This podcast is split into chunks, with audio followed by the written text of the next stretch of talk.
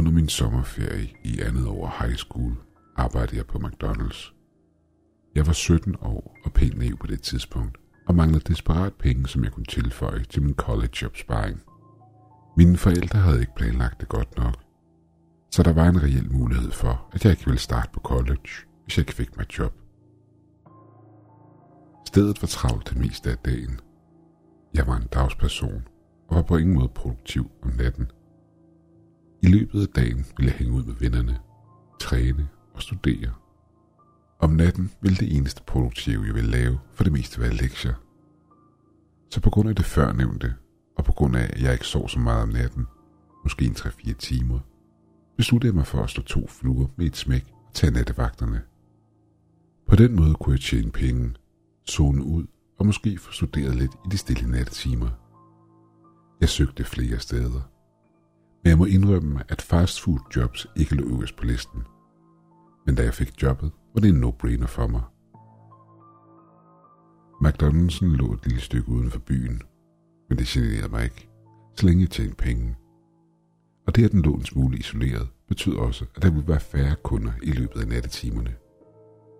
Så der var måske en mulighed for at presse en ekstra times søvn ind.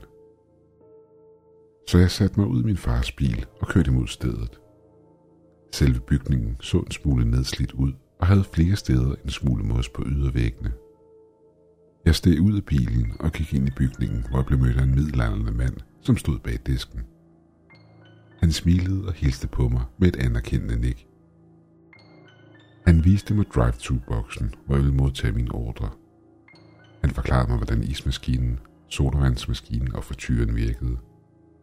Herefter gav han mig en kort tur af selve bygningen, inden vi endte tilbage ved disken. Han så på mig og sukkede dybt, inden han sagde, Hey, øh, knægt, tror du på spøgelser og den slags? Nej, ikke rigtig, svarede jeg. Hvorfor spørger du? Jeg ved, jeg kommer til at lyde som en sindssyg, svarede han. Men du kommer til at følge nogle regler, imens du arbejder her. Jeg ved, det lyder som om det er noget, jeg bare finder på. Men tro mig, de er virkelige. Og hvis ikke de bliver fuldt, kan det koste livet. Jeg så på ham en smule forvirret. Han trak sin mobil frem. På den var utallige billeder af teenager, der tidligere havde arbejdet der, men som havde ignoreret reglerne og sidenhen var forsvundet sporløst. Hvorfor kontakter du ikke bare politiet, spurgte jeg. Fordi ingen tror på mig, svarede han nedtrykt. De udfører som regel en gennemsøgning af området, uden held. Og så tror de, jeg er sindssyg. Han var næsten ved at bryde ud af gråd, men fik styr på sig selv, inden han tjekkede mig om at følge reglerne og tage dem seriøst. Jeg fortalte ham, at det skulle jeg nok, og det fik hans ansigt til at lyse op. Han stak mig en seddel, som jeg modvilligt tog imod og begyndte at læse. På papiret stod følgende. Regler til at overleve nattevagten. Regel nummer 1. Hold altid lyset tændt i drive-thru-boksen, hvor du vil håndtere kunderne og deres mad. Med undtagelse af regel nummer 5. Der er et væsen tæt på, der kun venter på, at lyset går ud, og du sænker dine parader. Regel nummer 2. Der er et overvågningskamera nær disken. Tjek altid, hvem der er i drive-thruen. Hvis kunden, der laver en bestilling, er en sort Range Rover med tonede ruder, så sig ikke et ord til ham. Han vil stoppe med at genere dig, hvis du ignorerer hans trusler og vredesudbrud. Taler du til ham, vil han bryde ind og angribe dig som et vildt dyr. Kun Gud ved, hvilken skabning, der kan efterligne den menneskelige stemme så perfekt. Regel nummer 3. Hvis nogen bestiller pomfritter, så sig til dem, vi er løbet tør. Tro mig, du ønsker ikke at åbne en frisk pose midt om natten. Lugten vil tiltrække en uønsket opmærksomhed, du på ingen måde ønsker. Regel nummer 4. Hvis du hører dit navn blive kaldt bag dig, stop alt, hvad du er i gang med. Læg dig ned på gulvet og luk øjnene. Du vil muligvis mærke nogle tænder eller klør skarpe mod din krop. Men bare rolig. Den vil være væk, efter du hører den dæmoniske latter. Regel nummer 5. Hvis du ser en lille pige uden øjne i drive-thruen, så se direkte på kameraet. Lås alle døre og vinduer og sluk alt lyset. Du vil høre en masse skrig og knoren udefra.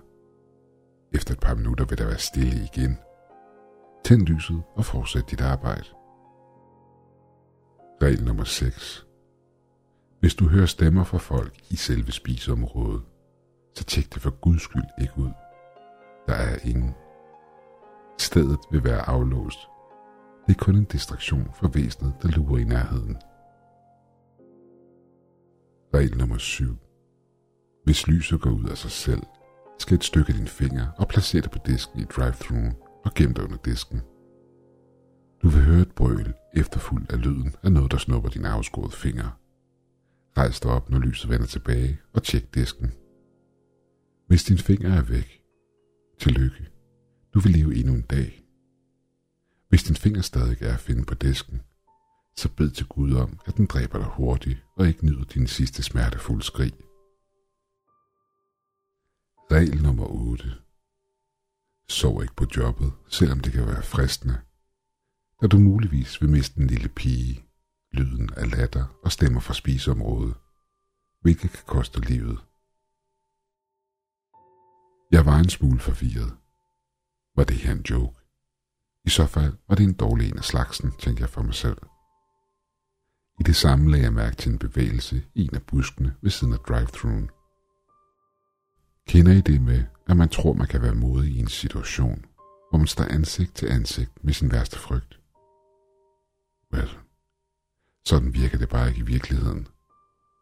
Din krop låser sig selv fast i frygt, uden nogen form for advarsel. Noget dybt inden i mig troede på, at det her det var en prank. Men jeg ønskede ikke at tage nogen chancer. Så jeg besluttede mig for at følge reglerne. Den første time af min vagt skete der intet bare normalt. Der var ikke engang nogen kunder. Det her bliver nemt, sukkede jeg lettet for mig selv. Jeg flippede igennem overvågningskameraerne hver 20. minut og overså næsten den lille pige, der kiggede ud gennem en af buskene udenfor. Hendes øjne. Der var ingen. Jeg så på hende i frygt. Hendes ansigt var ingen menneskelige følelser. Det var rent ondskab, der stirrede tilbage på mig. Jo mere jeg så på hende, jo mere havde jeg lyst til at sætte mig ned og græde. Jeg var så fixeret på hende, at jeg næsten glemte at slukke lyset, men kom pludselig i tanke om regel nummer 5. Jeg gemte mig under disken og slukkede lyset. I det samme hørte jeg noget kaste sig mod ydersiden af boksen, jeg sad i, i et forsøg på at bryde ind. Kort tid efter hørte jeg hurtige fodtrin, efterfulgt af skrig fra den lille pige. Hendes skrig blev højere og højere, og jeg troede til sidst, at jeg ville blive døv. Så høje var de. Jeg dækkede mine ører. Trods det kunne jeg stadig høre hende. Kort tid efter døde hendes skrig hen, og en lav knoren kunne nu høres. Den lave knoren blev efterfulgt af et brøl, samt lyden af kød, der blev revet i stykker. Lyden var så forfærdelig, at jeg kastede op ud over gulvet. Da der igen blev stille, samlede jeg mig selv mentalt sammen, rejste mig op og tændte for lyset igen. Jeg greb en spand og en moppe og begyndte at fjerne mit opkast, imens jeg spekulerede over, hvad det var, jeg lige havde været igennem. Inden jeg nåede at blive færdig, blev jeg afbrudt af lyden af folk, der snakkede og lå. Det var distraherende, men jeg kunne ikke høre, hvad der blev sagt. Det var kun latter og mumlende stemmer. Jeg skulle lige til at tjekke det ud, da jeg kom i tanke om reglen, der decideret handlede om det her præcise event. Jeg læste listen med regler igen. Det var regel nummer 6. Alt jeg skulle gøre var at ignorere det, så ville det forsvinde af sig selv. Så jeg smed mine høretelefoner på og begyndte at arbejde på nogle lektier fra skolen. Der gik næsten en time, hvor der intet skete. Den kunde kørte igennem drive-thruen. Jeg tog imod deres bestilling og gav dem, hvad de ønskede.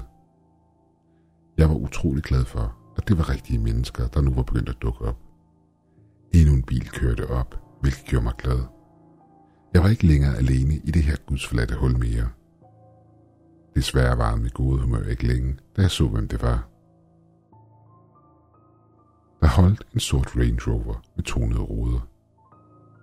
Jeg sagde ikke et ord, i det manden vredt skreg sin ordre ind i samtalenlægget og sagde, Jeg ved, du er derinde, motherfucker. Er du døv? Jeg sagde ikke en lyd, og forholdt mig rolig. 10 minutter senere var han kørt fra stedet. Min vagt er næsten over, og jeg sidder her og skriver nattens begivenheder ud. Alt imens jeg overvejer, om det her job virkelig er de 2.000 kroner værd per vagt. Jeg ønsker virkelig at sige op. Men fyren tjekkede mig om at blive, og han vil fordoble min løn, hvis jeg gjorde. Men jeg ønsker ikke at sætte mit liv på spil igen. Så hvad fanden gør jeg?